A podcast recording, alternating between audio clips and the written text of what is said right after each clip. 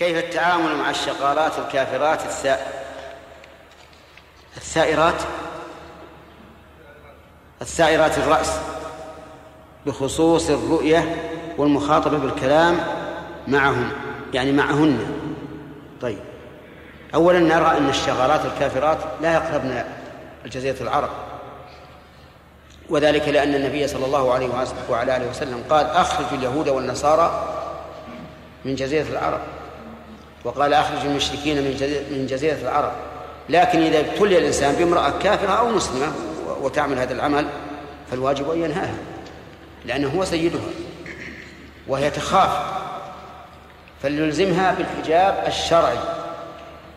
ما هو الحجاب العرفي الذي تغطي المرأة كل شيء إلا وجهها شوف الحجاب العرفي غريب.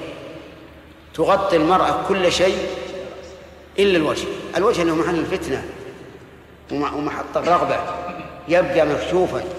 والباقي يجوز تجب تغطيته. والعجب أن أن هؤلاء يقولون القدم لا يجوز أن يخرج منها رأس الإبهام. القدم واليد كلها تخرج. كل الأصابع كل الكف. مع أن الغالب أن اليد أجمل من من الرجل هذا الغالب. ثم عاد نأتي للرجل والوجه الوجه لها أن تخرج كل الوجه. وأما الرجل ما تخرج ولا رأس الإبهام أو الخنصر. الشريعة تأتي بمثل هذا؟ أبدا والله. ما تأتي بهذا. وليت النساء أيضا يقتصرن على إخراج الوجه طبيعيا. تجد المرأة تتمكيج وتتكحل وتحمل الشفاه. نعم. وكأنها تعرض نفسها على المبتعين. المسألة مشكلة. الواجب أنها تنصح وتنهى وتلزم بالحجاب. كتاب الصلاة. ليس هذا من مسلم. ولا ولا البسملة. البسملة في الأصل. ولا الكتاب. نعم. ولا الكتاب؟ لا ما هو في الأصل. عندي بالهامش عندكم أصل؟ أنا عندي أصل. نعم. المعروف أنه ما هو بترجمة نعم. باب بدء الأذان. حدثنا إسحاق بن إبراهيم الحنظلي. قال حدثنا محمد بن بكر. حاء وحدثنا محمد بن رافع. قال حدثنا عبد الرزاق. قال أخبرنا ابن قال أخبرنا ابن جريج حاء وحدثني هارون بن عبد الله واللفظ له. قال حدثنا حجاج بن محمد.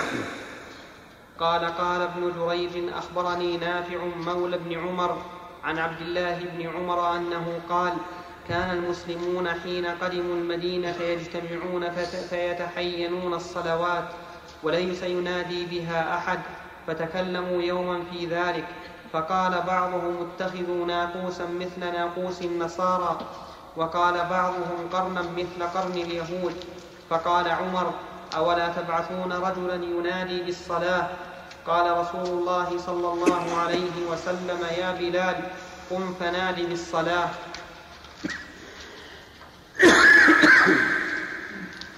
الأذان هو الإعلام بدخول الوقت بدخول وقت الصلاة. إلا إذا كان مما يستحب تأخيره وأخرت الصلاة فإنه إعلام بدنو فعلها ودليل ذلك أن النبي صلى الله عليه وعلى آله وسلم كان في سفر فقام بلال ليؤذن فقال أمسك ثم قام ليؤذن الظهر فقال أمسك حتى رأوا فيأتلون أو حتى ساوى التل فيئة ثم أذن. فدل ذلك على أنه إذا كانت الصلاة مما ينبغي تأخيره فالأذان يكون عند إرادة الفعل. وهذا إذا كان الأذان لطائفة معينة. أما في البلد فيؤذن في أول الوقت لأنه قد لا ي... لأنه قد لا يريد بعض الناس أن يؤخر الصلاة. ثم إنه لا بد أن يكون الأذان بعد دخول الوقت. فإن أذن قبل دخوله فبدعة وباطل. لقول النبي صلى الله عليه وعلى آله وسلم إذا حضرت الصلاة فليؤذن لكم أحدكم. والصلاة لا تحضر إلا بدخول وقتها. استثنى بعضهم الفجر. قال فإنه يصح بعضهم بالغ قال يصح بعد منتصف الليل. وعلى هذا فإذا انتصف الليل وأذن الناس لصلاة الفجر وطلع الفجر فإنهم لا يؤذنون لحصول الواجب لكن هذا الاستثناء لا يصح لأنه لم يصح عن النبي صلى الله عليه وعلى آله وسلم أنه أذن لصلاة قبل وقتها. وأما ما ثبت من أن بلالا يؤذن بليل في رمضان فإن ذلك من أجل أن يوقظ النائم ويرجع القائم كما صح بذلك الحديث عن رسول الله صلى الله عليه وسلم أنه قال إن بلالا يؤذن بليل ليوقظ نائمكم ويرجع قائمكم. فكلوا واشربوا حتى تسمعوا أذان ابن أم مكتوم فإنه لا يؤذن حتى يطلع الفجر. ثم إن الأذان لم يفرض إلا في السنة الثانية من الهجرة لأن الصحابة بدأوا يتحينون ويجتمعون فشق عليهم ذلك لأن لأنه ليس عندهم ساعات تضبط لهم الوقت فربما يأتون مبكرين فقالوا آه، اتخذوا ناقوسا مثل ناقوس النصارى. النصارى إذا حلت صلواتهم ضربوا الناقوس مثل الجرس. وقال بعضهم قرنا مثل قرن اليهود وهو البوق. إذا حانت صلاتهم ضربوا بهذا البوق. وقال عمر ألا تبعثون رجلا ينادي بالصلاة؟ فقال قم يا بلال فنادي بالصلاة. وظاهر هذا الحديث أنه يقول الصلاة الصلاة لأنه لم يذكر سوى هذا. وهذا نداء بالصلاة.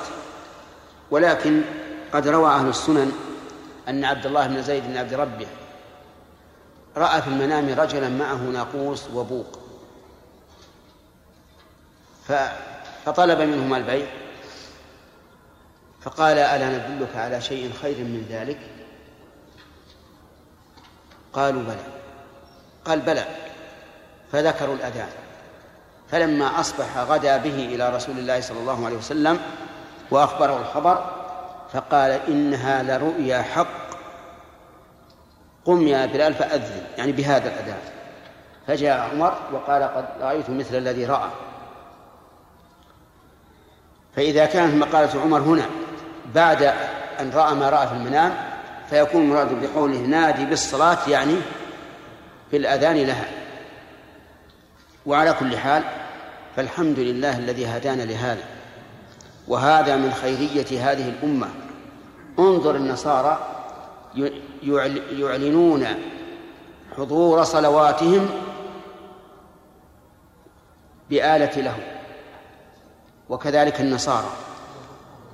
نعم وكذلك اليهود يعلنونها بآلة له لا ينتفعون بها ولا تقربهم إلى الله بل مجرد علامة. أما نحن فهدانا الله ولله الحمد إلى هذا الأذان المبارك. نعم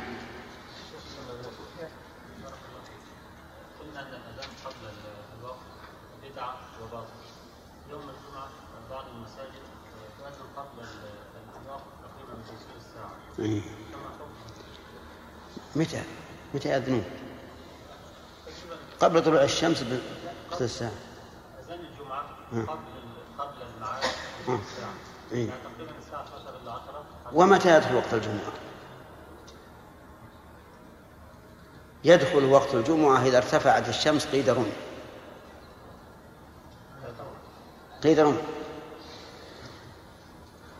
نعم. سيأتي إن شاء الله يأتي. نعم. نعم. معلوم ما في شك أن القيام أفضل. نعم. الإنسان صلاة الفجر كان يؤذن فنسي قول الصلاة خير من النوم ماذا يكون؟ ما يكون شيء. صلاة الفجر من النوم هذه تسمى التثويب وهي ليست بواجبة سنة. ما في شيء. ثلاثة. طيب. باب الأمر بشفع, بشفع الأذان وإيثار الإقامة. حدثنا خلف بن هشام قال عندي الباب. سم. الباب ليس عندي لكن لا بأس. نعم.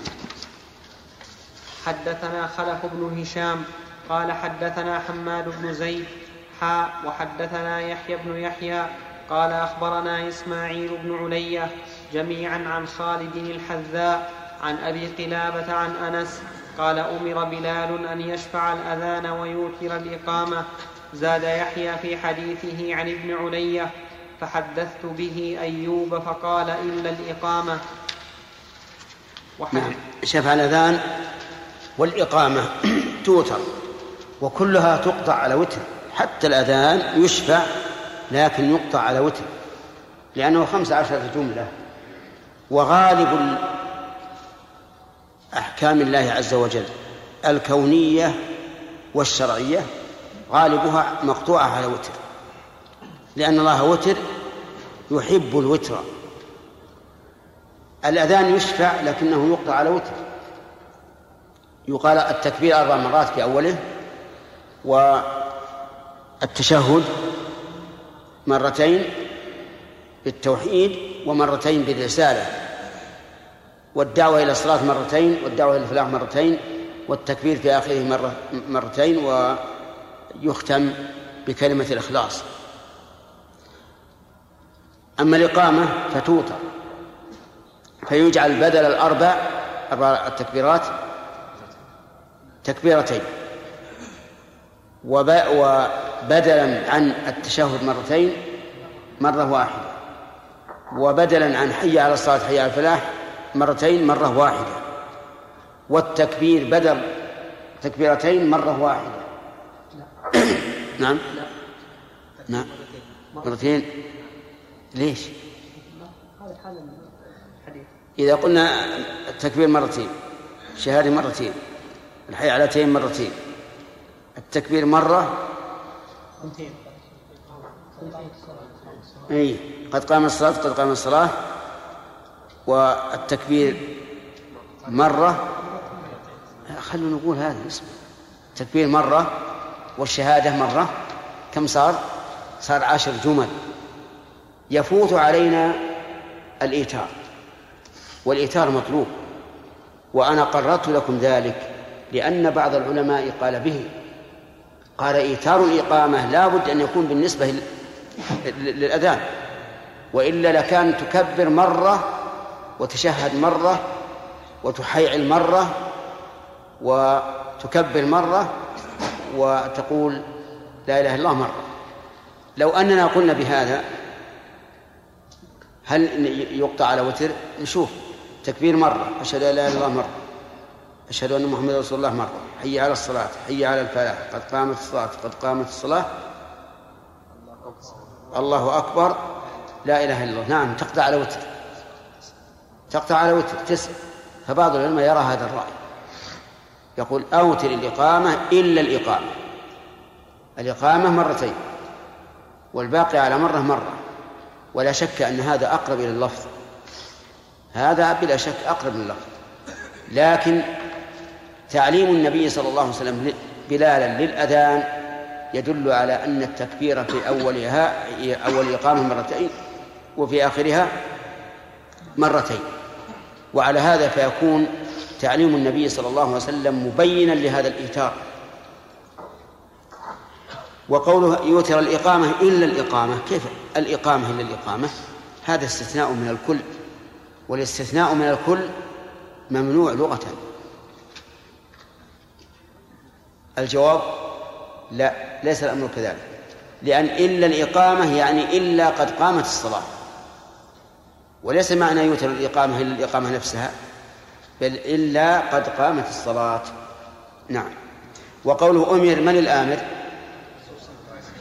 النبي صلى الله عليه وسلم. ولو أذن الإنسان على خلاف هذا لأتى بأمر ليس عليه أمر الله ورسوله فيكون مردودا. نعم. وحدثنا إسحاق بن في ساعة. ها؟ سيأتي سيأتي. نعم.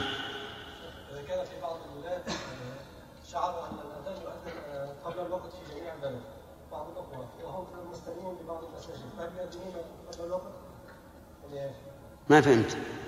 يعني في المدينة عامة إذا كان أهل المدينة يؤذنون آه، للفجر قبل دخول الوقت. نعم. أي نعم؟ نعم. وبعض الأخوة أخذوا يراقبون الفجر فعرفوا أنهم يؤذنون قبل الوقت. فهل يؤذنون في هذا؟ نعم. إذا علموا أنهم أنه قبل الوقت لا بد أن يؤذنوا بعد الوقت. لا بد. يخالفون بقية المساجد هذه شف إن كنت في بلاد ترجع للشرع فناقش المسؤولين. إن كنت في بلاد لا تهتم بهذه الأمور فأعمل بنفسك وأذن ولو لحيك فقط نعم. على إيش؟ عن؟ ما بعد وصلنا هذا نعم. وحدثنا إسحاق بن إبراهيم الحنظلي قال أخبرنا عبد الوهاب الثقفي قال حدثنا خالد خالد الحذاء عن أبي عن أبي قلابة عن أنس بن مالك قال ذكروا أن يعلموا وقت الصلاة بشيء يعرفونه فذكروا أن ينوروا نارا أو يضربوا ناقوسا فأمر بلال أن يشفع الأذان ويوتر الإقامة. طيب. هذا مني ومنك لا مننا هذا زاد أمرا ثالثا عن البوق والناقوس. وما هو. النار. إيقاد إيقاد النار. لكن كرهوا ذلك قالوا لأن هذا فعل المجوس وقوله أمر بلال أن يشفع الأذان يعني أمر أن يؤذن فيشفع الأذان ويؤتي الإقامة. نعم. نحن في حديث واحد. شوف الحديث الواحد ولو تعددت ألفاظه لو يجي عشر صفحات ما في إلا سؤال. نعم. وحدثني محمد بن حاتم قال حدثنا بهز قال حدثنا وهيب قال حدثنا خالد الحذاء خالد الحذاء بهذا الإسناد لما كثر الناس ذكروا أن يعلموا بمثل حديث الثقفي غير أنه قال ان يوروا نارا. وحدثني عبيد الله بن عمر القواريري قال حدثنا عبد الوارث بن سعيد وعبد الوهاب بن عبد المجيد قال حدثنا أيوب عن أبي قلابة عن أنس قال أمر بلال أن يشفع الأذان ويوتر الإقامة. باب صفة الأذان. ولا ذكر أنه استثنى كما سبق. وهذا من اختلاف من اختلاف الألفاظ. ولا يضر. باب صفة الأذان. حدثني أبو غسان المسمعي مالك بن عبد الواحد وإسحاق بن إبراهيم. قال أبو غسان حدثنا معاذ وقال إسحاق أخبرنا معاذ بن هشام صاحب الدستوائي وحدثنا أبي عن عامر الأحول. ها؟ فتح الدال. نعم. وقال إسحاق أخبرنا معاذ بن هشام صاحب الد- الدستوائي وحدثني أبي عن عامر الأحول عن مكحول. عن عبد الله بن محيريز عن أبي محذورة أن نبي الله صلى الله عليه وسلم علمه هذا الأذان. الله أكبر الله أكبر الله أكبر الله أكبر. أشهد أن لا إله إلا الله. أشهد عندي, مرتين إي أنا أعدتها. إيه، ورا ما تقول أعيد. ما أدري نعم. الله الله أكبر الله أكبر. أشهد أن لا إله إلا الله أشهد أن لا إله إلا الله أشهد أن محمدا رسول الله أشهد أن محمدا رسول الله. ثم يعود فيقول أشهد أن لا إله إلا الله أشهد أن لا إله إلا الله أشهد أن محمدا رسول الله أشهد أن محمدا رسول الله. حي على الصلاة مرتين.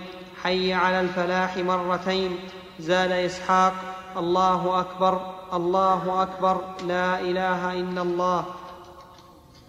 هذا أذان أبي محذورة علمه النبي صلى الله عليه وسلم إياه. فيكون صفة ثانية لإيش؟ للأذان. وفيه الترجيع أنه رجع الشهادتين مرتين. وفيه الاقتصار على تكبيرتين في أولها وعلى هذا فإذا فعله الإنسان فإنه لا ينكر عليه. وإذا كان في مجتمع يتسع صدره لذكر الصفتين فليفعل. وإن كان في مجتمع لا يتسع صدره ويخشى من نفورهم فلا حرج أن يقتصر على صفة واحدة. نعم شيخ هذه النسخة التي عندنا ينتهي الحديث عند الشهادة بالرسالة بعد قوله ثم يعود فيقول إيه نعم. ولهذا بعد ذلك ذكر حي على الصلاة مرتين. ما موجودة؟ مم. ها؟ ساقطة يعني. تلحق نعم. شيخ أحسن الله إليكم. الترجيع هنا يكون سرا أو جهرا؟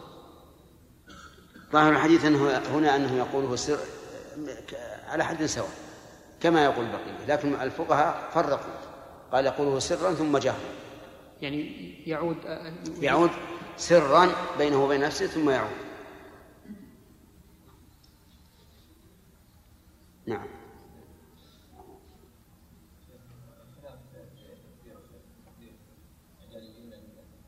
إيش؟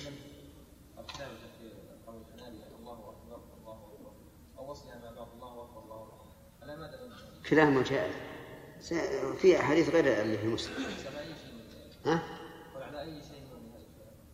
أقول في أحاديث ثانية تبين هذا أنه أنه يفصل كل جملة عن الأخرى أو يقرن الله أكبر ثنتين جميعا.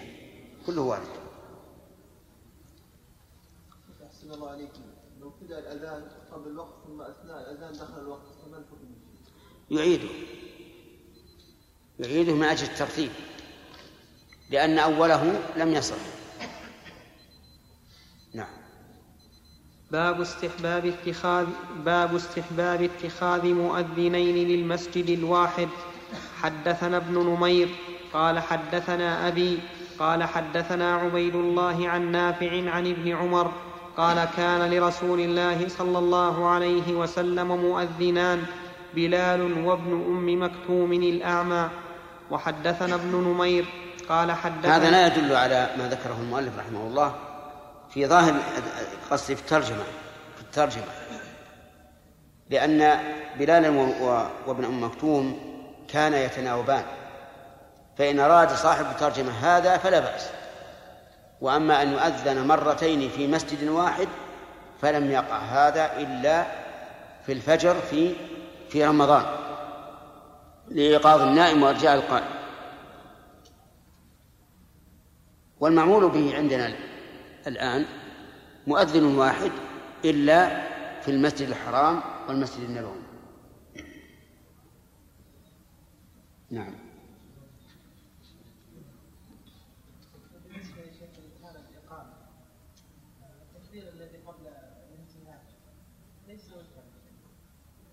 إي نعم. أما بينا قلنا لكم. ما قلنا لهم؟ لكم قلنا جاءت أحاديث تبين ذلك تبين معنى الإيتار وأن التكبير في, أول في آخر الإقامة مرتين لا ينافي ذلك يكون مراد الأغلب. نعم. شيخ فيه مسجد في عنيزة يؤذن مرتين. عجيب. نعم. آه، أذان الأول ثم لوقت واحد ولا الفجر؟ الفجر. آه كثير هذا كثير كثير ما يؤذنون.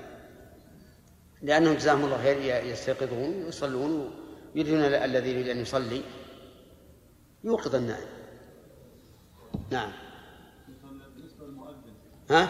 المؤذن هل يسكت بين بين عبارات الأذان أو جمل الأذان؟ هو من مقدار هذا السكوت. يسكت يسكت إلا في التكبير الأول والتكبير الأخير. ما مقدار هذا السكوت؟ بس سكوتا يسيرا. يتبين به أن هذه منفصلة عن هذه. وحدثنا ابن نمير قال حدثنا أبي قال حدثنا عبيد الله قال حدثنا القاسم عن عائشة مثله باب جواز أذان الأعمى إذا كان معه بصير. حدثني, حدثني أبو كريب محمد بن العلاء إذا كان معه إيش؟ بصير. حدثني أبو كريب محمد بن العلاء الهمداني قال حدثنا خالد يعني بن مخلد عن محمد بن جعفر قال حدثنا هشام عن أبيه عن عائشة قالت كان ابن أم مكتوم يؤذن لرسول الله صلى الله عليه وسلم وهو أعمى.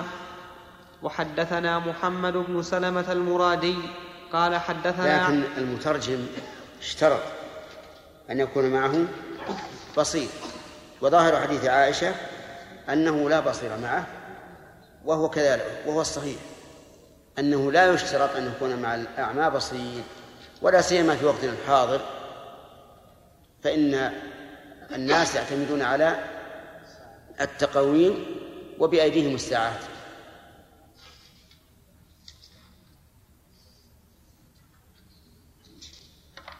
نعم.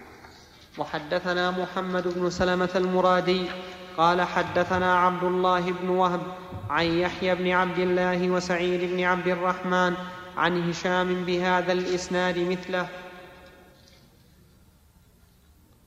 باب الإمساك عن الإغارة على قوم في دار الكفر إذا سمع فيهم الأذان. وحدثني زهير بن حرب قال حدثنا يحيى يعني ابن سعيد عن حماد بن سلمة قال حدثنا ثابت عن أنس بن مالك قال كان رسول الله صلى الله عليه وسلم يغير إذا طلع الفجر وكان يستمع الأذان فإن سمع, فإن سمع أذانا أمسك وإلا أغار فسمع رجلا يقول الله أكبر الله أكبر فقال رسول الله صلى الله عليه وسلم على الفطرة ثم قال أشهد أن لا إله إلا الله أشهد أن لا إله إلا الله. فقال رسول الله صلى الله عليه وسلم خرجت من النار. فنظروا فإذا هو راعي معزى الله أكبر. الفضل العظيم. كان سببا كان الأذان سببا للخروج من النار. وكان سببا للفطرة. وفي هذا دليل على أن الأذان من شعائر الإسلام الظاهرة. لأنه كان علامة على أن هذا البلد بلد إسلامي. ولهذا قال العلماء يقاتل أهل بلد تركوا الأذان والإقامة. لأن النبي صلى الله عليه وسلم كان ينتظر فإذا لم يسمع أذانا أغار وإلا أمسك. استدل بعض العلماء بهذا الحديث على أنه لا تجب إجابة المؤذن لأنه لم ينقل أن الرسول أجاب. لكن هذا لا دليل فيه. لأن عدم النقل ليس نقلا للعدم. فعندنا نص محكم إذا سمعتم المؤذن فقولوا مثل ما يقول المؤذن فنأخذ به. الله أكبر.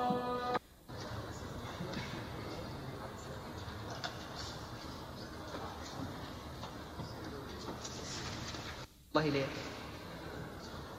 أنا عندي إشكال. من جهة يعني الحديث عن من فرد به مسلم. هل فهمي صحيح بمعنى أنكم ذكرتم أن ابن القيم قال من فرد به مسلم فإنهم يعللونه في الغالب إيه يعلل يعلل بانفراد مسلم. ذكر في حديث اللي مر علينا قصة اليهودي. قال وهو من ممن فرد به مسلم. لكنه يا شيخ ابن القيم قال في نفس الحديث قال وهو حديث صحيح لا مطعن فيه. أي أي لكن في آخر البحث؟ ما ما قال شيء؟ قال وهذه اللفظة هل هي محفوظة أو غير محفوظة؟ أي أي وأما الانفراد آه، لا في في تحفة الودود ذكر أنه عندي عندي يمكن نصف الثاني وذكر الانفراد. أي ذكر الانفراد. هذا معنى تعليل به. لأنه الأخ منصور مطيري يقول أن الدار قطني يعني سبق ابن القيم إلى هذا. مم. وإنهم يعلون بما انفرد به مسلم. اي لكنه آه، يعني آه، ما هو ما هو ظاهر هذا الشيء. إيه اسمه واضح لك؟ خليك خلي علمك. عندك لا لا أقول لك كلام الدار قطني كلام الاخ منصور عن الدار قطني. إيه. إنه انفرد به إنهم يعللون به. إيه. والله إحنا هذا اللي إحنا نفهم. نفهم منه اللي قال هذا وقد انفرد به مسلم إنه يعني يعلل به.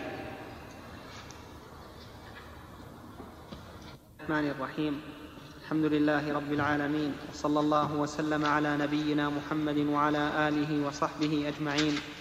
قال الإمام مسلم رحمه الله تعالى في كتاب الصلاة باب استحباب القول مثل باب استحباب القول مثل قول المؤذن لمن سمعه.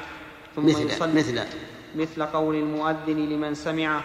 ثم يصلي على النبي صلى الله عليه وسلم ثم يسأل الله ثم يسأل الله له الوسيلة.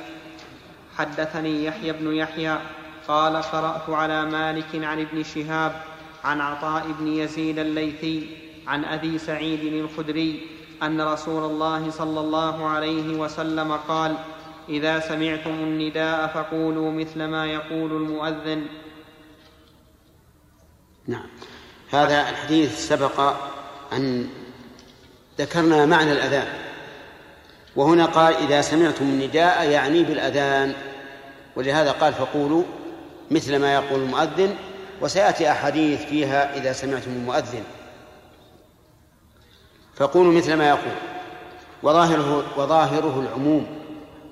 لكنه قد جاءت السنة بأنه إذا قال حي على الصلاة حي على الفلاح فنقول لا حول ولا قوة إلا بالله.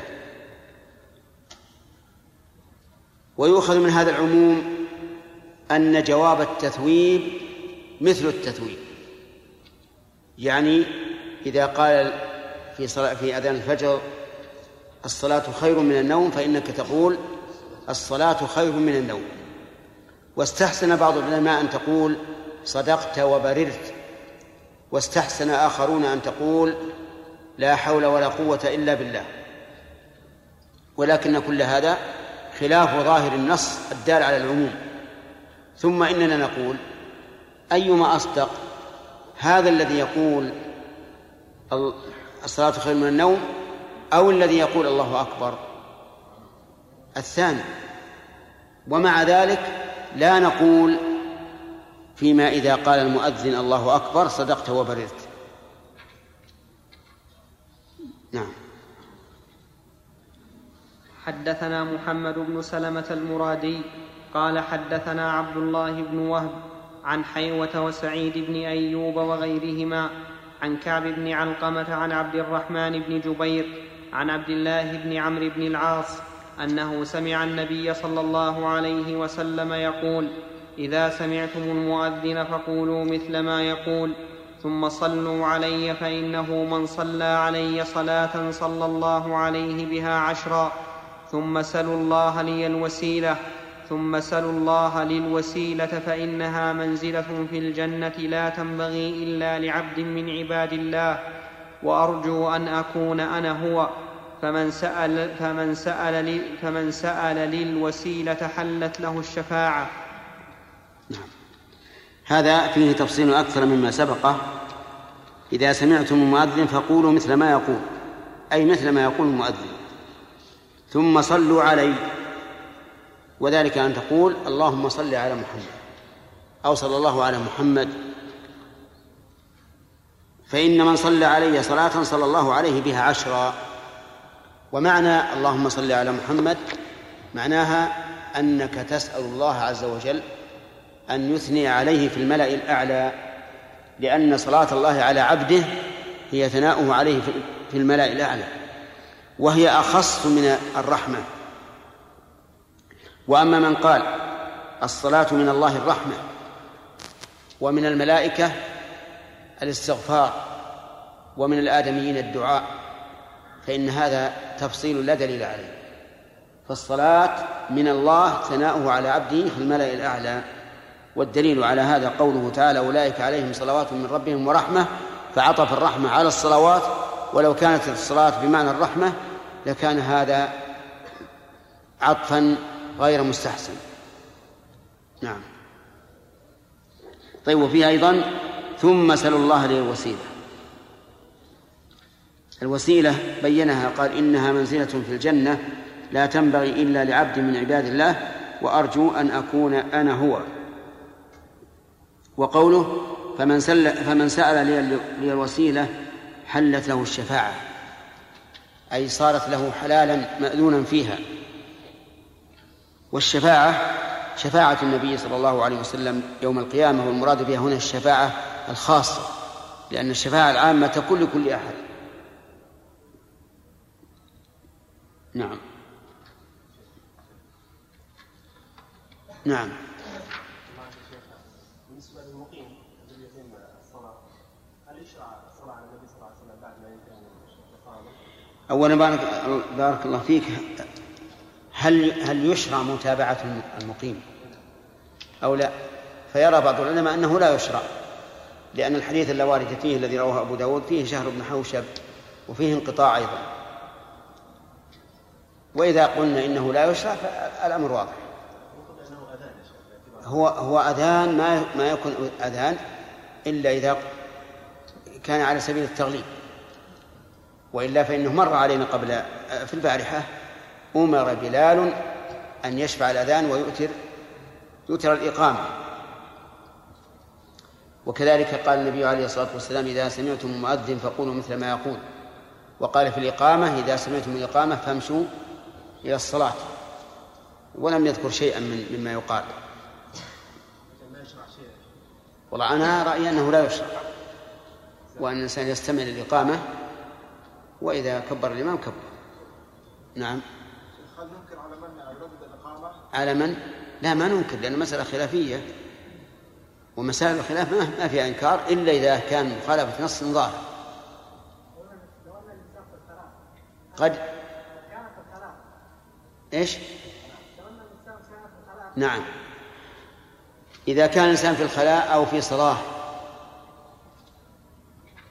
فإنه مشغول في الصلاة وفي الخلاء لا ينبغي أن يجيب وهو على حاجته.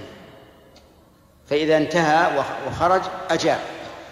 وكذلك المصلي يقضيه إذا انتهى من صلاته. وقال بعض أهل العلم إنه أي المصلي يجيب المؤذن ولو كان يصلي.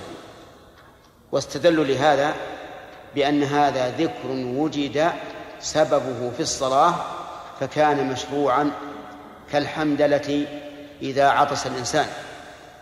فإن الإنسان إذا عطس وحمد الله فلا بأس. لكن قد يقول قائل إن الفرق بينهما ظاهر لأن الحمدلة لا توجب انشغال المصلي كثيرا عن صلاته بخلاف متابعة المؤذن. فالصحيح أنه لا يتابعه وهو يصلي لأن في الصلاة شغلا ولكن إذا انتهى يقضيه.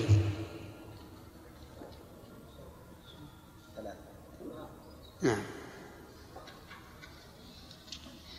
حدثني إسحاق بن منصور قال أخبرنا أبو جعفر محمد بن جهضم الثقفي قال حدثنا إسماعيل إسماعيل بن جعفر عن عمارة بن غزي بن غزية عن خبيب بن عبد الرحمن بن إساف عن حفص بن عاصم بن عمر بن الخطاب عن أبيه عن جده عمر بن الخطاب قال قال رسول الله صلى الله عليه وسلم إذا قال المؤذن الله أكبر الله أكبر.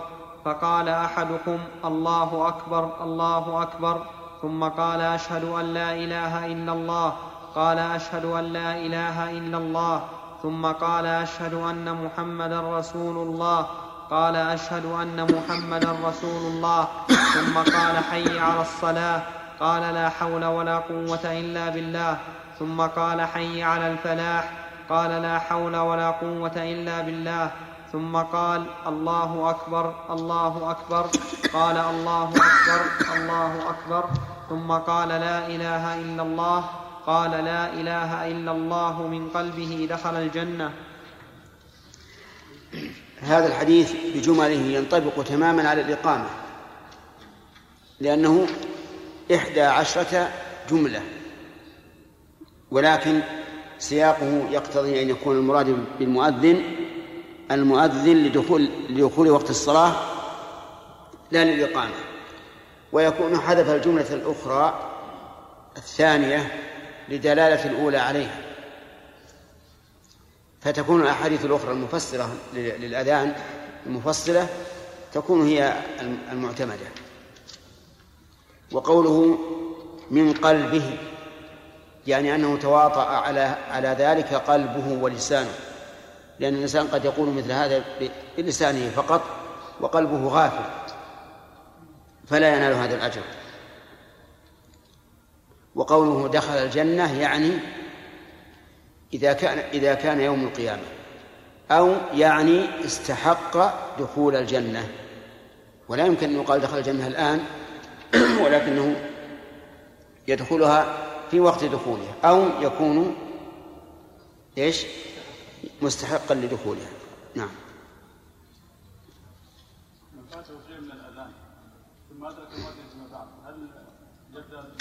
هل يبدأ من الظاهر أوله. إي نعم لأنه لا أقول لا يتعين فيه مخالفة المؤذن نعم يا بندر. استحسن بعضهم الصلاه الابراهيميه نعم. يصلي على صلى الله عليه وسلم في الصلاه ولا- لا يظهر لي هذا.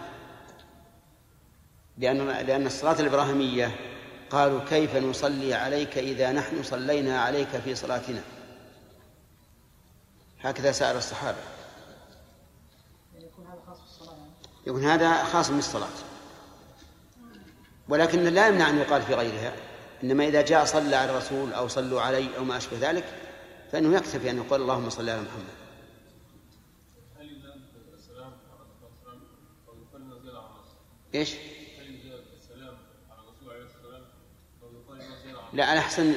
على الصلاة. لا نعم. ثلاثة. حدثنا محمد بن رمح قال أخبرنا الليث عن الحكيم بن عبد الله بن قيس القرشي حاء وحدثنا قتيبة بن سعيد قال حدثنا ليث عن الحكيم بن عبد الله عن عامر بن سعد بن أبي وقاص عن سعد بن أبي وقاص عن رسول الله صلى الله عليه وسلم أنه قال من قال حين يسمع المؤذن أشهد أن لا إله إلا الله وحده لا شريك له وأشهد وأن محمدا عبده ورسوله. رضيت بالله ربا وبمحمد رسولا وبالإسلام دينا. غفر له ذنبه.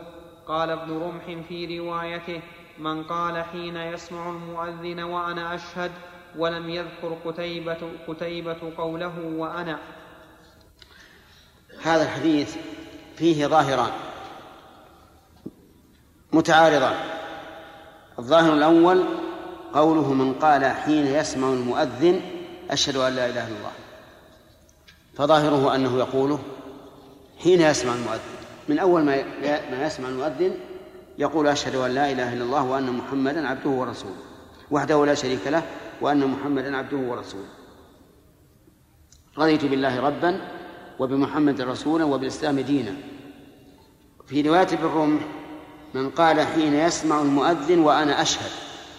وهذا يقتضي أن يكون قالها إذا قال المؤذن أشهد أن لا إله إلا الله وأشهد أن محمد رسول الله لأن قوله وأنا أشهد معطوفة على شهادة سابقة وحينئذ يكون قوله هذا بعد قول أشهد أن لا إله إلا الله وأشهد أن محمدا رسول الله. وهذا هو الأقرب هذا هو الأقرب لأن قوله رضيت بالله ربا وبمحمد رسولا وبالإسلام دينا يقتضي أن يكون هذا الرضا بعد إيش؟ بعد قوله أشهد أن لا إله إلا الله وأشهد أن محمدا عبده ورسوله أن محمد رسول الله. نعم. بعض العلماء اختلطت اصوات المؤذنين يكفي ان يعني أن يردد مع مؤذن واحد. اي نعم. هو أن أنت إذا تابعت المؤذن الأول فامشي معه حتى يكون. لئلا لئلا تتداخل الجمل بعضها مع بعض. عبد الله. بين في موسيلها من هذا تنبغي إلا لعبد من عباد الله إلى آخره. نعم وكأن المراد أنه يمكن بها السؤال يعني هل أهله يكونون تبعا له في ذلك ولا يشركون والذين آمنوا واتبعتهم ذريتهم بإيمان ألحقنا بهم ذريتهم. فيكون أزواجه معه في منزلته. وكذلك صغار ذريته. أما كبار الذرية فهم في منازلهم سواء في هذه المسألة أو غيرها. يعني مثلا الإنسان له أولاد منزلته عالية. له أولاد كبار قد بلغوا وأولاد صغار ذرية. فالصغار مع أبيه. والذرية مع من؟ في منازلهم لأنهم مستقلون. لأن هذا هو المتعين. فإن الذرية هم الصغار من الأولاد بنين وبنات. ولهذا قال واتبعتهم ذريتهم. ولأننا لو قلنا إن الذرية هم الصغار والكبار. لزم أن يكون جميع أهل الجنة في منزلة واحدة. وهذا متعذر.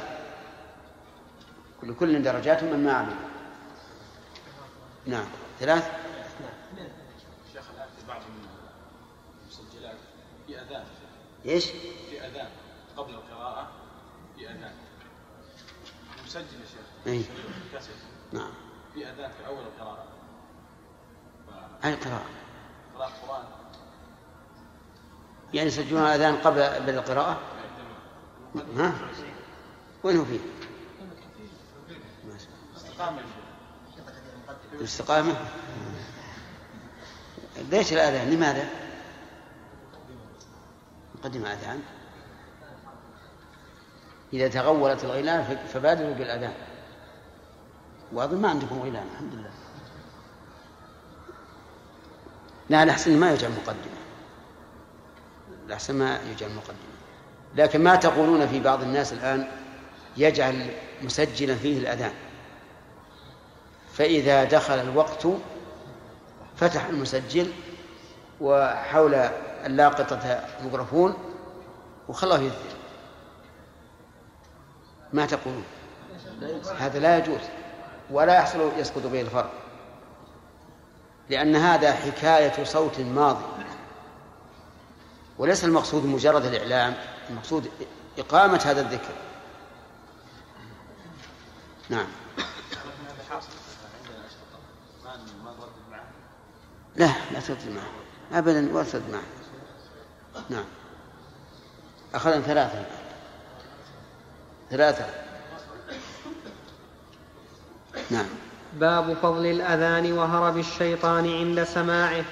حدثنا محمد بن عبد الله بن نمير قال حدثنا عبدة عن طلحة بن يحيى عن عمه قال كنت عند معاوية بن أبي سفيان فجاءه المؤذن يدعوه إلى الصلاة فقال معاوية سمعت رسول الله صلى الله عليه وسلم يقول المؤذنون أطول الناس أعناقا يوم القيامة. وحدثنيه إسحاق بن منصور قال أخبرنا أبو عامر قال حدثنا سفيان عن طلحة بن يحيى عن عيسى بن طلحة قال سمعت معاوية يقول قال رسول الله صلى الله عليه وسلم بمثله. هذا فضيلة للمؤذنين أنهم يبعثون يوم القيامة أطول الناس أعناقا وأعناقا جمع عنق وليس وليس الصواب إعناقا أي خضوعا. بل إن المراد أطول الناس أعناقا جمع عنق. وهذا من مجازاتهم على مثل أعمالهم لأنهم لما رفعوا ذكر الله عز وجل بأصواتهم ومن الأماكن العالية صار جزاؤهم مثل عملهم جزاء وفاق. وفي هذا دليل على أن الأذان أفضل من الإقامة على أن الأذان أفضل من الإمامة من حيث المرتبة. فمرتبة المؤذنين فوق مرتبة الأئمة. فإن قال الإنسان إذا قلت ذلك فلماذا عدل النبي صلى الله عليه وعلى آله وسلم والخلفاء الراشدون إلى الإمامة ولم يقوموا بوظيفة الأذان؟ قلنا لانشغالهم بأحوال الأمة وتصريف الدولة عن مراقبة عن مراقبة أوقات الأذان. وفي عهد النبي صلى الله عليه وعلى آله وسلم ليس الأذان بالشيء السهل. الإنسان يراقب الشمس عند زوالها يبقى أكثر من نصف من نصف ساعة لأن الظل عند الزوال يكون تقلصه قليلا. فينظر فإذا بدأ بالزيادة فهذا هو الزوال. وكذلك في صلاة العصر وكذلك في المغرب وكذلك في الفجر. فالمؤذن له عمل أكثر بكثير من عمل الإمام. ثم من الناحية الاجتماعية المؤذن إذا لم يؤذن علم الناس كلهم بتخلفه. أليس كذلك؟ والإمام لا يعلم به إلا من في المسجد. فكان هذا فكان المؤذن يداري أكثر مما يداري الإمام. نعم.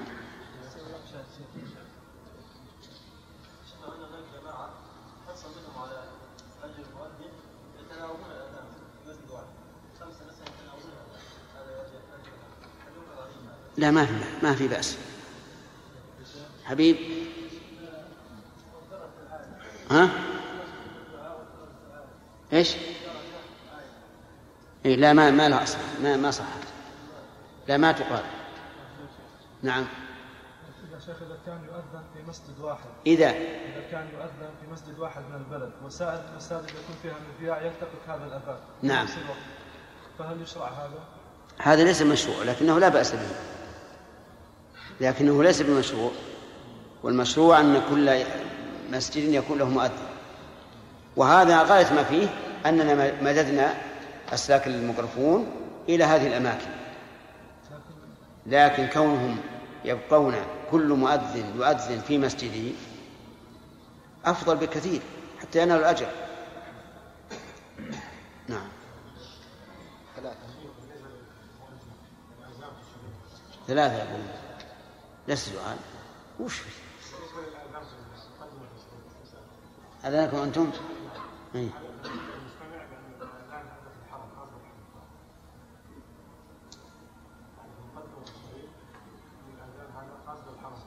والله يدخلون واحد حسن الصوت يكون في مقدمة شريط القرآن أعوذ بالله من الشيطان الرجيم وإذا قرأ القرآن فاستمعوا له وأنصتوا لعلكم ترحمون فاستمع يا أخي إلى قراءة المقرئ فلان كان أحسن نعم. نعم. حدثنا لأن قتيبة- أخشى يوم من الأيام يبدو, يبدو صغارنا ونسائنا. إذا أراد الإنسان يقرأ أذن. يحس من المشروع المهم التنبيه يصير بعد مشروع. تعرف الناس. خارج السعودية ربما نعم. في العالم الاسلامي ربما يعتقدون ذلك لأنه يقول هذه أرض الحرمين. لا أظنه ما هي تبع المهب ما هي؟ لا لا قصدي إن ما هي ما هي هذه في في في الإذاعة. في إذاعة السعودية؟ في الإذاعة. وتقال في الأذان لا لا لا. أنا قصدي هل أشرطتكم أنتم تذيعها إذاعة الرياض مثلا؟ لا إيه. ها؟ إيه. تنبه بعبادة غير مشروعة. ولا رغبة الله رحلة الصوفية إذا أمكنتهم. شوفوا إيش يرغبون من من الأذكار. نعم؟ بعضها ما أدري الاستقامة ولا الأذان وفي فناجيل. فناجيل. فناجيل. يشربون شاهي يعني يحدث صوت. اي أجل خشخشة التمر. نعم حدثنا قتيبة بن سعيد وعثمان بن أبي شيبة وإسحاق بن إبراهيم قال إسحاق أخبرنا وقال الآخران حدثنا جرير عن الأعمش عن أبي سفيان عن جابر قال سمعت النبي صلى الله عليه وسلم يقول إن الشيطان إذا سمع النداء بالصلاة ذهب حتى يكون مكان الروحاء قال سليمان فسألته عن الروحاء فقال هي من المدينة ستة وثلاثون ميلا. ستة وثلاثين ميل كم تكون بالكيلو؟ أضف نصفها. يضاف إليها النصف. ستة وثلاثين ثمانية عشر. ها؟ أربعة وخمسين. أربعة وخمسين كيلو. يهرب من الأذان اللهم أكبر نعم. وحدثناه أبو بكر بن أبي شيبة وأبو كريب قال حدثنا أبو معاوية عن الأعمش بهذا الإسناد. حدثنا قتيبة بن سعيد وزهير بن حرب وإسحاق بن إبراهيم واللفظ لقتيبة قال إسحاق أخبرنا وقال الآخران حدثنا جرير عن الأعمش عن أبي صالح عن أبي هريرة عن النبي صلى الله عليه وسلم أنه قال إن الشيطان إذا سمع النداء بالصلاة أحال له ضراط حتى لا يسمع صوته فإذا سكت رجع فوسوس فإذا سمع الإقامة ذهب حتى لا يسمع صوته فإذا سكت رجع فوسوس. نعم. حدثني عبد الحميد بن بيان الواسطي قال حدثنا خالد يعني, يعني ابن عبد الله عن سهيل عن أبيه عن أبي هريرة أنه قال قال رسول الله صلى الله عليه وسلم إذا أذن المؤذن أدبر الشيطان وله حصاص. حدثني أمية بن بسطام قال حدثنا الحصاص هو الضراط كما سبق في اللفظ الأول. نعم. حدثني أمية بن بسطام قال حدثنا يزيد يعني ابن زريع قال حدثنا روح عن سهيل قال أرسلني أبي إلى بني حارثة قال ومعي غلام لنا أو صاحب لنا فناداه مناد من حائط باسمه قال وأشرف الذي معي على الحائط فلم ير شيئا فذكرت ذلك لأبي فقال لو شعرت أنك تلقى, أنك تلقى هذا لم أرسلك ولكن إذا سمعت صوتا, صوتا فناد بالصلاة فإني سمعت أبا هريرة يحدث عن رسول الله صلى الله عليه وسلم أنه قال إن الشيطان إذا نودي بالصلاة ولى وله حصاص. حدثنا قتيبة بن سعيد قال حدثنا المغيرة يعني الحزامي عن أبي الزناد عن الأعرج عن أبي هريرة أن النبي صلى الله عليه وسلم قال إذا نودي للصلاة أدبر الشيطان له ضراط حتى لا يسمع التأذين فإذا قضي التأذين أقبل حتى إذا ثوب بالصلاة أدبر حتى إذا قضي التثويب أقبل حتى يخطر بين المرء ونفسه يقول له اذكر كذا واذكر كذا لما لم يكن يذكر من قبل حتى يظل الرجل ما يدري كم صلى.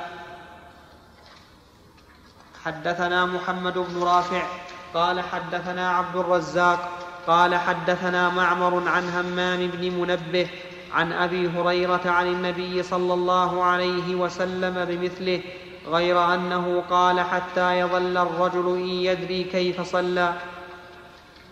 بدل ما يدري. وإن هذه نافله استدل العلماء رحمهم الله بهذا الحديث على أن الوساوس لا تبطل الصلاة. ولو غلبت على الصلاة. لأن الشيطان يأتي الإنسان ويقول اذكر كذا اذكر كذا اذكر كذا حتى لا يدري كم صلى. فدل ذلك على أن حديث النفس لا يؤثر في الصلاة فلا يبطلها ويذكر أن رجلا أتى إلى أبي حنيفة رحمه الله يسأله عن أظن وديعة نسي مكانها أو شيئا نحوها. فقال له أبو حنيفة اذهب فتوضأ وصل. وستذكرها. فذهب وتوضأ وصلى فجاءه الشيطان يذكر. اذكر كذا اذكر كذا حتى ذكرها. وهذا شيء مجرب. يجد الإنسان من نفسه أنه أحيانا ينسى الشيء فإذا دخل في الصلاة نعم تذكره. نعم شرف الشيطان يحب الافراد هل المراد الشيطان اكبر ام الذين ياخذون حكمه الظاهر والله أعلم أنها, أنها المراد بها الجنس. أن المراد بها الجنس. شياطين. إذا طمع الإنسان بالأجر ورسم إذا إذا أراد الأجر بحيث يكون إماما ومؤذنا هل يصح ذلك؟ لا بأس. لا بأس لكن إلا أن يكون هناك شيء مانع من قبل ولي الأمر فيتمشى عليه. نعم في قوله هنا ولكن اذا سمعت صوت الفنادق بالصلاه فيذكر ابا هريره يحدث عن رسول الله صلى الله عليه وسلم انه قال ان الشيطان اذا نودي للصلاه يولي نعم هل يكون من هذا انه يشرع ان يؤذن حتى في غير وقت الصلاة؟ إي نعم. سمعت سمعت كلامي قبل قليل. إذا تغولت الغيلان فبادروا بالأذان. الغيلان هي شبح يعرض للمسافرين. وكأنه قاطع طريق أو سبع أو ما أشبه ذلك. فيقول إذا تغولت فبادروا بالأذان لأنها إذا أذن هربت. نعم.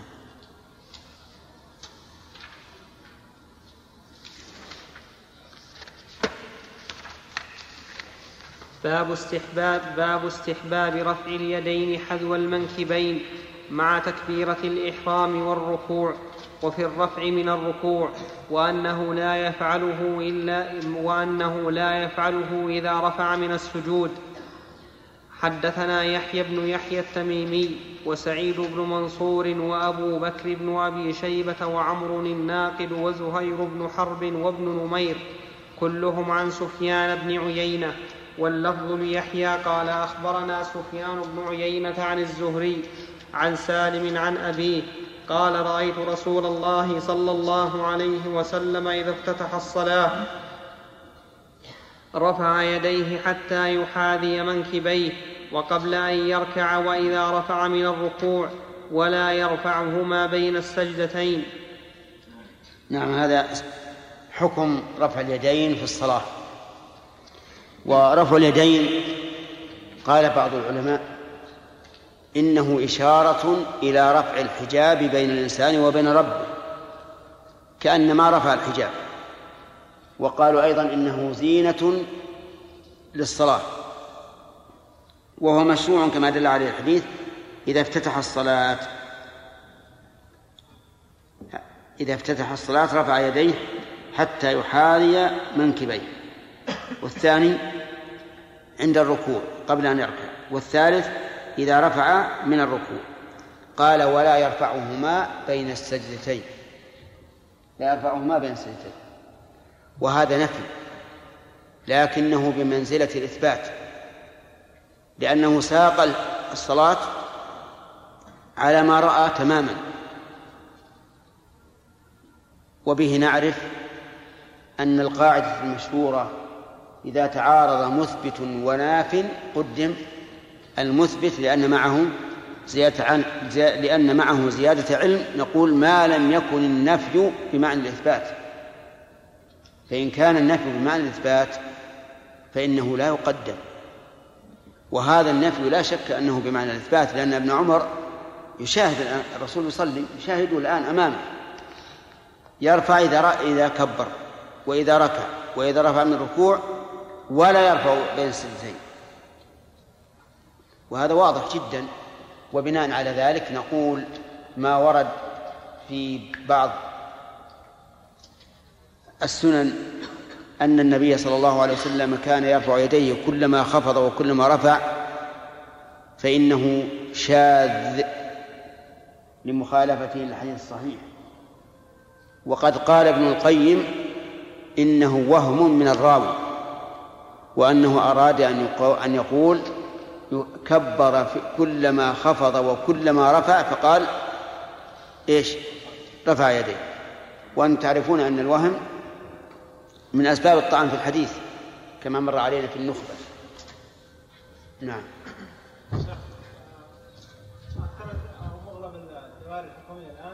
تضع المسجل للظهر للأذان؟ نعم. لا بل بلغ جزاك الله خير. نعم. ماذا لا قل قل له ما يصلح هذا. عني أنا. قل إنه لا يصلح هذا. أي يؤذن شخص. مش أذن شريط.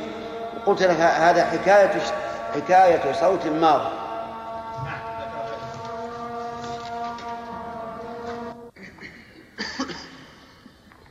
سم بالله بسم الله الرحمن الرحيم.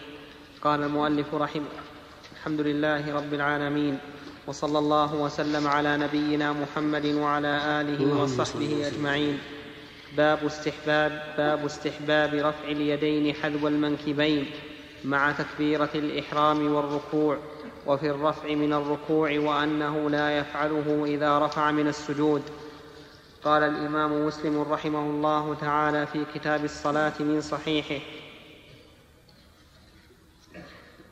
حدثني محمد بن رافع قال حدثنا عبد الرزاق قال أخبرنا ابن جريج قال حدثني ابن شهاب عن سالم بن عبد الله أن ابن عمر قال كان رسول الله صلى الله عليه وسلم إذا قام للصلاة رفع يديه حتى تكونا حذو منكبيه ثم كبر فإذا أراد أن يركع فعل مثل ذلك وإذا رفع من الركوع فعل مثل ذلك ولا يفعله حين يرفع رأسه من السجود. حدثني محمد بن رافع قال حدثنا حجين وهو ابن المثنى قال حدثنا الليث عن عقيل حاء وحدثني محمد بن عبد الله بن قهزاد قال حدثنا سلمة بن سليمان قال أخبرنا يونس كلاهما عن الزهري بهذا الإسناد. قال أخبرنا عبد الله قال أخبرنا يونس. يونس. ما عندي. ما عندك أخبار عبد الله؟ لا. موجودة عندنا. الشرح. موجودة عندنا. موجودة بالشرح؟ نعم. سليمان قال أخبرنا إذا تكتب.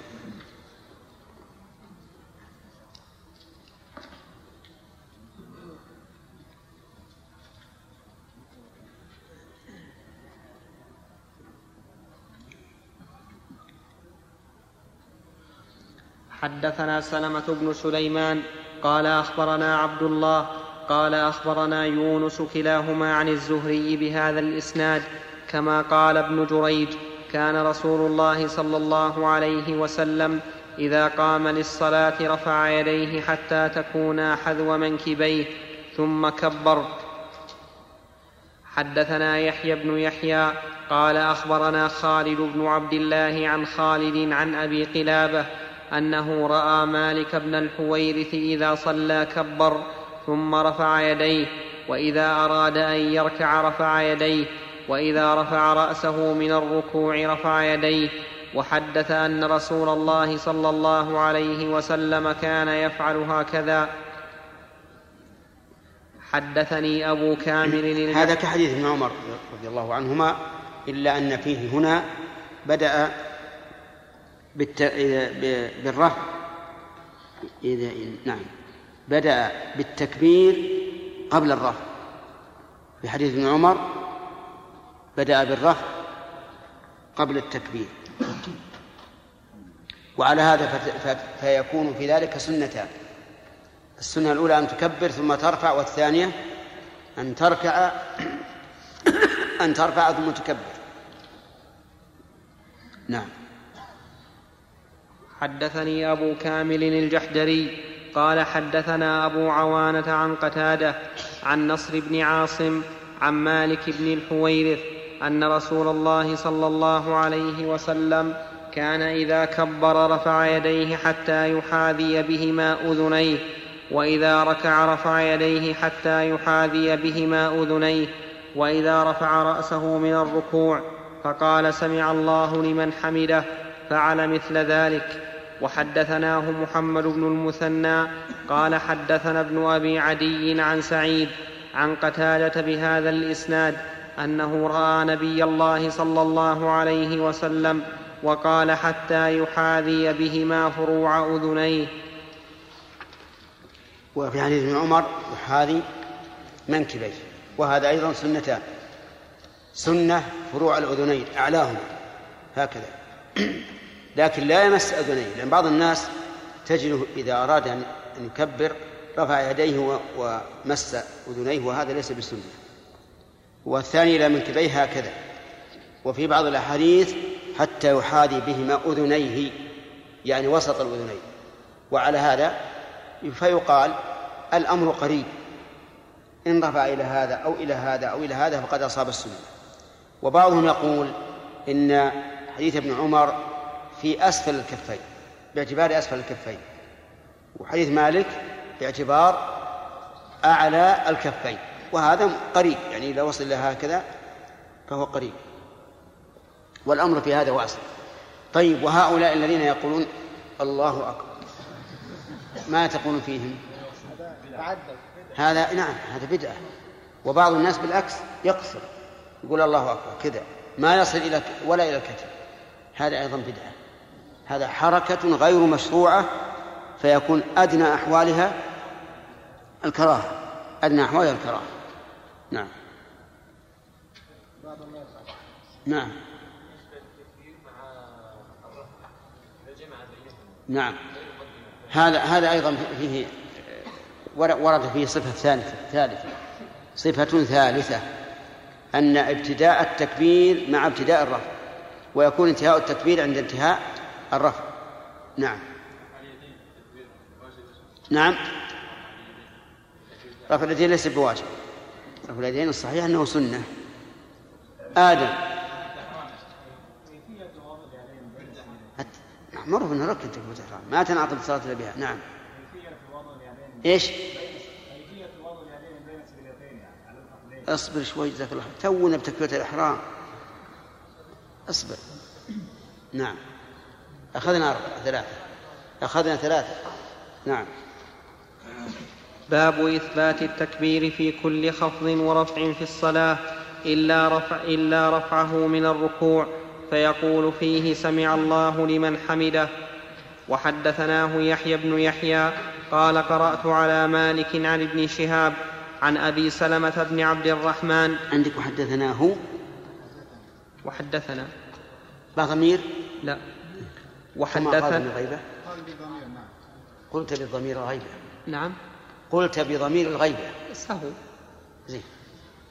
وحدثنا يحيى بن يحيى قال قرأت على مالك عن ابن شهاب عن أبي سلمة بن عبد الرحمن أن أبا هريرة كان يصلي لهم فيكبر كلما خفض ورفع فلما انصرف قال والله إني لا أشبهكم صلاة برسول الله صلى الله عليه وسلم. يكبر كلما خفض ورفع. أين مكان هذا التكبير؟ هل هو قبل أن يشرع في الخفض إن كان للخفض وقبل أن يشرع بالرفع إذا كان للرفع. أو معه أو بعده. المشهور أنه يكون بين البدء والانتهاء. يكون بين البدء والانتهاء وليس من الابتداء إلى الانتهاء. وبين العبارتين فرق. نقول بين البدء والانتهاء وليس من البدء إلى الانتهاء. الفرق يا عبد الله؟ الفرق بين العبارتين. نعم. إذا قلنا مثلا أنه مع البدء يعني لا شوف بين الابتداء والانتهاء أو من الابتداء إلى الانتهاء. بينهما فرق. يلا. لا نريد إلى الفرق لا تقول يعني معروف يعني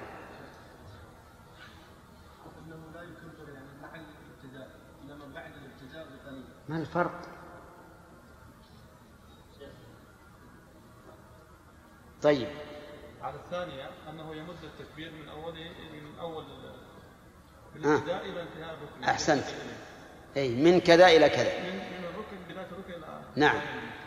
وإذا قيل بينه إلى بين يعني إنه أول ما التكبير في يعني إن شاء أول ما يشرع وينتهي قبل أو بعد أن يشرع ويكمل عند الانتهاء أو وسطا. إي نعم. هذا هو الفرق. وعلى هذا فلا يمد التكبير. لا يمد التكبير. وقال بعض العلماء يمد التكبير من القيام إلى السجود ومن السجود إلى القيام. ولم نرى أحدا. قال من العلماء ولم نرى أحدا من العلماء قال إنه إذا جلس للتشهد يأتي بتكبيرة متميزة. ما رأينا أحدا قال بذلك. وكنا نفعل هذا. فنبهنا بعض الإخوة الذين يعتنون بعلم الحديث. وقالوا هذا ما ما ورد عن الرسول عليه الصلاة والسلام. كيف تفرقون؟ ثم طلبنا من بعض الإخوة المشتغلين بالحديث أن يبحثوا في الموضوع فلم يجدوا شيئا. غاية ما هنالك؟ أن بعض العلماء قال يمد التكبير إذا كبر من عل إلى أسفل أو من أسفل إلى عل وأما هذا فلا. وأول ما فعلنا هذا صاح علينا الناس. سبحان الله سبحان الله. لأن العادة أن التشهد الأول أقول الله أكبر. فلما قلت الله أكبر كالعادة كسائر الانتقالات قالوا سبحان الله. ظنوا أني أني غالط لكنهم بعد أن استقر الأمر واتضح صاروا لا يعني عرفوا الموضوع. وصار هذا في نظري أحسن. لأن الأول يجعل يجعل المأموم نعم كأنه آلة. نعم كأنه آلة. إن سمع التكبير ممدودا جلس وإلا قام. أما الآن فتجده قد شد أعصابه وأحضر قلبه. يخشى أن يقوم الناس جلوس فيخجل. فصار فيه فائدة لكن فيه مضرة من وجه آخر وهي أن المسبوق إذا أدرك الركعة الثانية فالإمام سوف يأتي بتكبير كالعادة فيظنه المسبوق إيش؟ قائما فيقوم. هذا هو اللي فيه يعني نوع من الضرر لكن هذا يقال للمسبوق. انظر الذي إلى جنبك. إن قام فقم ما دمت مسبوقا. نعم. حدثنا محمد بن رافع قال حدثنا عبد الرزاق قال أخبرنا ابن جريج قال أخبرني ابن شهاب عن أبي بكر بن عبد الرحمن أنه سمع أبا هريرة يقول كان رسول الله صلى الله عليه وسلم إذا قام إلى الصلاة يكبر حين يقوم ثم يكبر حين يركع ثم يقول سمع الله لمن حمده حين يرفع صلبه من الركوع ثم يقول وهو قائم ربنا ولك الحمد ثم يكبر حين يهوي ساجدا ثم يكبر حين يرفع رأسه ثم يكبر ثم يكبر حين يسجد. ثم يكبر حين يرفع رأسه ثم يفعل مثل ذلك في الصلاة كلها حتى يقضيها. ويكبر حين يقوم من المثنى بعد الجلوس ثم يقول, أب ثم يقول أبو هريرة إني لأشبهكم صلاة برسول الله صلى الله عليه وسلم. يقول أبو, يقول أبو هريرة هذا ليس تزكية لنفسه ولكن حثا للناس أن يأخذوا في مثل صلاتهم. وهذا من تمام تبليغ العلم. وفي قوله عند الرفع من الركوع يقول سمع الله لمن حمده ويقول حين يقوم ربنا ولك الحمد. إلا أن المأموم لا يقول سمع الله لمن حمده بل يقول ربنا ولك الحمد. أعرفت؟ قبل؟ ماذا قلت؟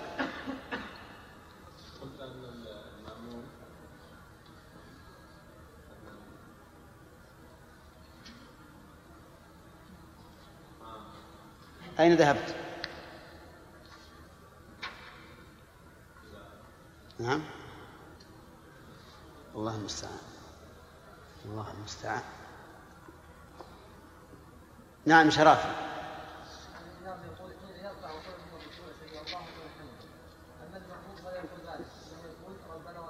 أحسنت. طيب. وفي قوله قول أبي هريرة يكبر حين يقوم من المثنى بعد الجلوس. رد لوهم من توهم أنه إذا قام من التشهد الأول يرفع يديه وهو جالس. ورأيت بعض الناس يفعل هذا. وظن أن هذا هو السنة وليس كذلك. إنما يكبر يرفع يديه حين حين يقوم. فيحتمل أنه مع قيامه ويحتمل أنه إذا إذا قام. أما قبل أن يقوم وهو جالس فهذا لا لا أصل له. نعم. نعم. إذا فعل رفع يديه إذا وقف يعني. إذا قام من من التشهد الأول. تم وقوفه رفع يديه. نعم. هل فيها شيء؟ في احتمال.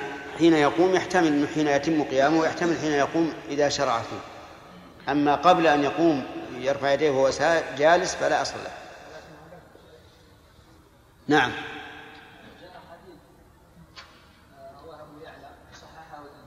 نعم. النبي صلى الله عليه وسلم كان يكبر وهو جالس ويرفع يديه أحيانا نعم هذا غلط. هذا شاذ. ونحن ندرس في علم المصطلح أن ما خالف الثقات فهو فهو شاذ. ولا عبرة به. وأنا أقول لكم من هذا المكان إن بعض علمائنا الذين لهم قدم راسخ في علم الحديث يعتمدون أحيانا على ظاهر السند. وهذا قصور. لأن العلماء قالوا في في اشتراط الصحيح أن لا يكون معللا ولا شاذا فلا بد من النظر إلى المت- إلى المتن. ولهذا أعجب عجبا كثيرا أن بعضهم صحح هذا الحديث المكتوب وهو أن لحم الغنى البقر داء ولبنها شفاء أو دواء. سبحان الله. لحم البقر داء والله أحله للعباد. هل يحل الله لعباده المرض؟ بالعكس الذي فيه المرض يحرمه الله على العباد. فيأتي إنسان ويصحح هذا الحديث وهو يخالف القرآن صراحة. أقول إن بعض الناس عنده قصور جدا في هذا الأمر. ينظر إلى ظاهر إلى ظاهر السند ثم يصحح. بدون أن ينظر إلى المتن ونكارته أو غرابته أو ما أشبه ذلك. وهذا قصور وأحثكم على أن لا تسلكوا هذا المسلك انظروا أولا إلى السند ثم انظروا إلى إلى المتن. وإن شئتم قدموا الثاني انظروا إلى المتن. إن كان مخالفا للمعلوم من الضرورة بالدين على أصل من الأصل لا تبحثوا عن سنده. ولو جاء بأعلى الأسانيد. اكتبوا اشطبوا عليه. أما أن ننظر إلى ظاهر السند فهذا ليس بصحيح. فالمهم أن أن رواية أنه يكب أنه يرفع يديه وهو جالس هذه مخالفة لرواية الثقات فتكون شاذة. ولا يصح أن نقول إن هذا صفة أخرى. فإذا كان هؤلاء الذين لازموا الرسول عليه الصلاة والسلام وحكوا عنه هذه الحكاية لا يحكون إلا هذا فما سواه فإنه شاذ. نعم. ها؟ إذا نعم.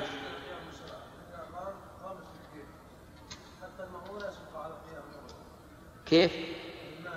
الإمام لا يستطيع النهوض بسرعة. طيب.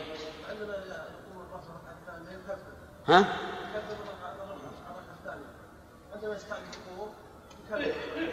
يعني لا يكبر إلا إذا قام. إذا قام خوفا من أن يسبق. طيب ما في شيء. نعم. حدثني محمد بن رافع قال حدثنا حجين قال حدثنا الليث بن عقيل عن ابن شهاب قال أخبرني أبو بكر بن عبد الرحمن بن الحارث أنه سمع أبا هريرة يقول كان رسول الله صلى الله عليه وسلم إذا قام إلى الصلاة يكبر حين يقوم بمثل حديث ابن جريج ولم يذكر قول أبي هريرة إني أشبهكم صلاة برسول إني أشبهكم صلاة برسول الله صلى الله عليه وسلم. وحدثني حرملة بن يحيى قال أخبرنا ابن وهب قال أخبرني يونس عن ابن شهاب قال أخبرني أبو سلمة بن عبد الرحمن أن أبا هريرة كان حين يستخلفه مروان على المدينة إذا قام للصلاة المكتوبة كبر فذكر نحو حديث ابن جريج وفي حديثه فإذا قضاها وسلم أقبل على أهل المسجد قال والذي نفسي بيده إني لاشبهكم صلاة برسول الله صلى الله عليه وسلم. حدثنا محمد بن حدثنا محمد بن مهران الرازي قال حدثنا الوليد بن مسلم قال حدثنا الأوزاعي عن يحيى بن أبي كثير عن أبي سلمة أن أبا هريرة كان يكبر في الصلاة كلما رفع ووضع. فقلنا يا أبا هريرة ما هذا التكبير؟ قال إنها لصلاة رسول الله صلى الله عليه وسلم. كأنهم است- استغربوا هذا فقالوا ما هذا التكبير؟ قال بعض أهل العلم لأن خلفاء بني أمية وأمراء بني أمية كانوا لا يسر لا- يشعرون بهذا التكبير. فظن الناس أنه ليس بسنة. ولهذا سألوا أبا هريرة ما هذا التكبير؟ وإلا ف- فمن المعلوم أن رسول الله صلى الله عليه وعلى آله وسلم كان يكبر كلما خفض وكلما رفع. وفي هذا دليل على أنه إذا سجد سجدة تلاوة في الصلاة فإنه يكبر إذا سجد ويكبر إذا نهض لأنها داخلة في العموم. ورأينا بعض الناس إذا سجدوا للتلاوة كبروا للسجود ولم يكبروا للرفع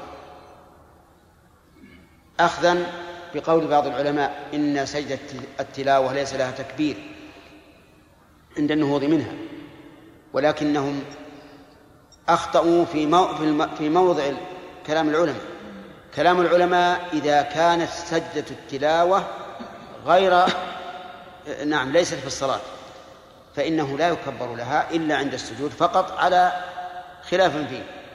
وأما إذا قام منها فإنه لا يكبر ولا يسلم.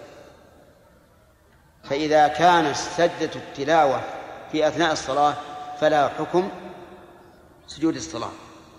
نعم.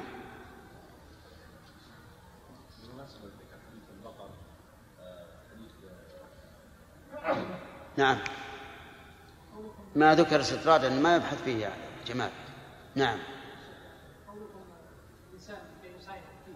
كيف؟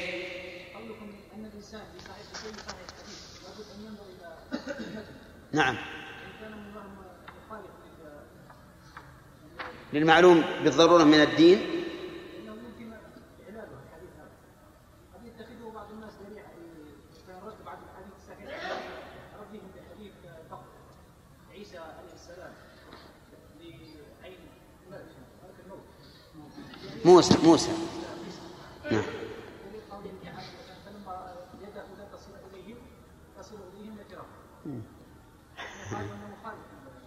لا تصل إلى الطعام بارك الله فيك.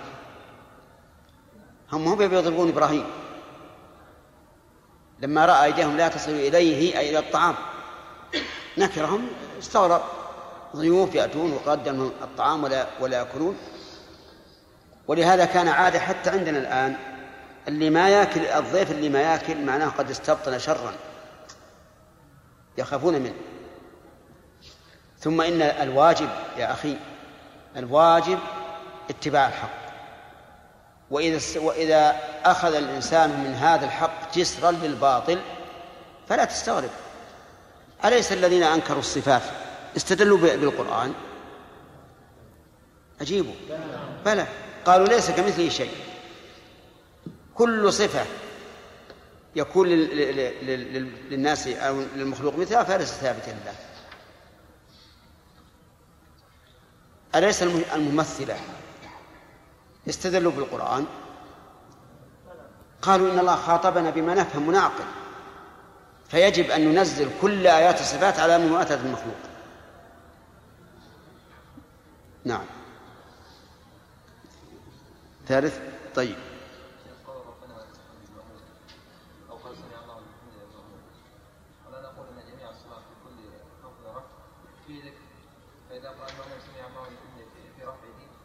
إذا قال ربنا ولك الحمد.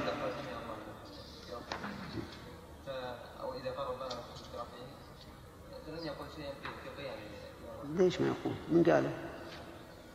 يقول إذا رفع حال رفع من الركوع ربنا ولك الحمد. وحينئذ يكون قائما. فيقول حمدا كثيرا طيبا مباركا فيه. في كل الصلاة في كل ركعات نعم. أما من قال من العلماء لعلك قرأت في في الفقه. قال أن المأموم يقول في رفعه ربنا ولك الحمد فقط وإذا استتم قائما يسكت. هذا ما هو صحيح. ها. أنا فاهم هذا لا أنا قصدي الذين يقولون المأموم لما قال إذا قسم الله الحمد يقول ربنا ولك الحمد قالوا ولا يقول حمدا مباركا فيه المأموم. فيسكت. وهذا هو المشهور من مذهب الحنابلة.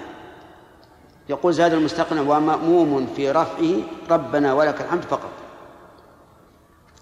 وبعض العلماء قال يقول سمع الله لمن حمده ويقول ربنا ولك الحمد لكن هذا ضعيف مخالف للنص. لقول الرسول صلى الله عليه وعلى آله وسلم وإذا قال سمع الله لمن حمده فقولوا ربنا ولك الحمد. وهذا واضح أن قول المأموم ربنا ولك الحمد في في مكان قول الإمام سمع الله لمن حمده.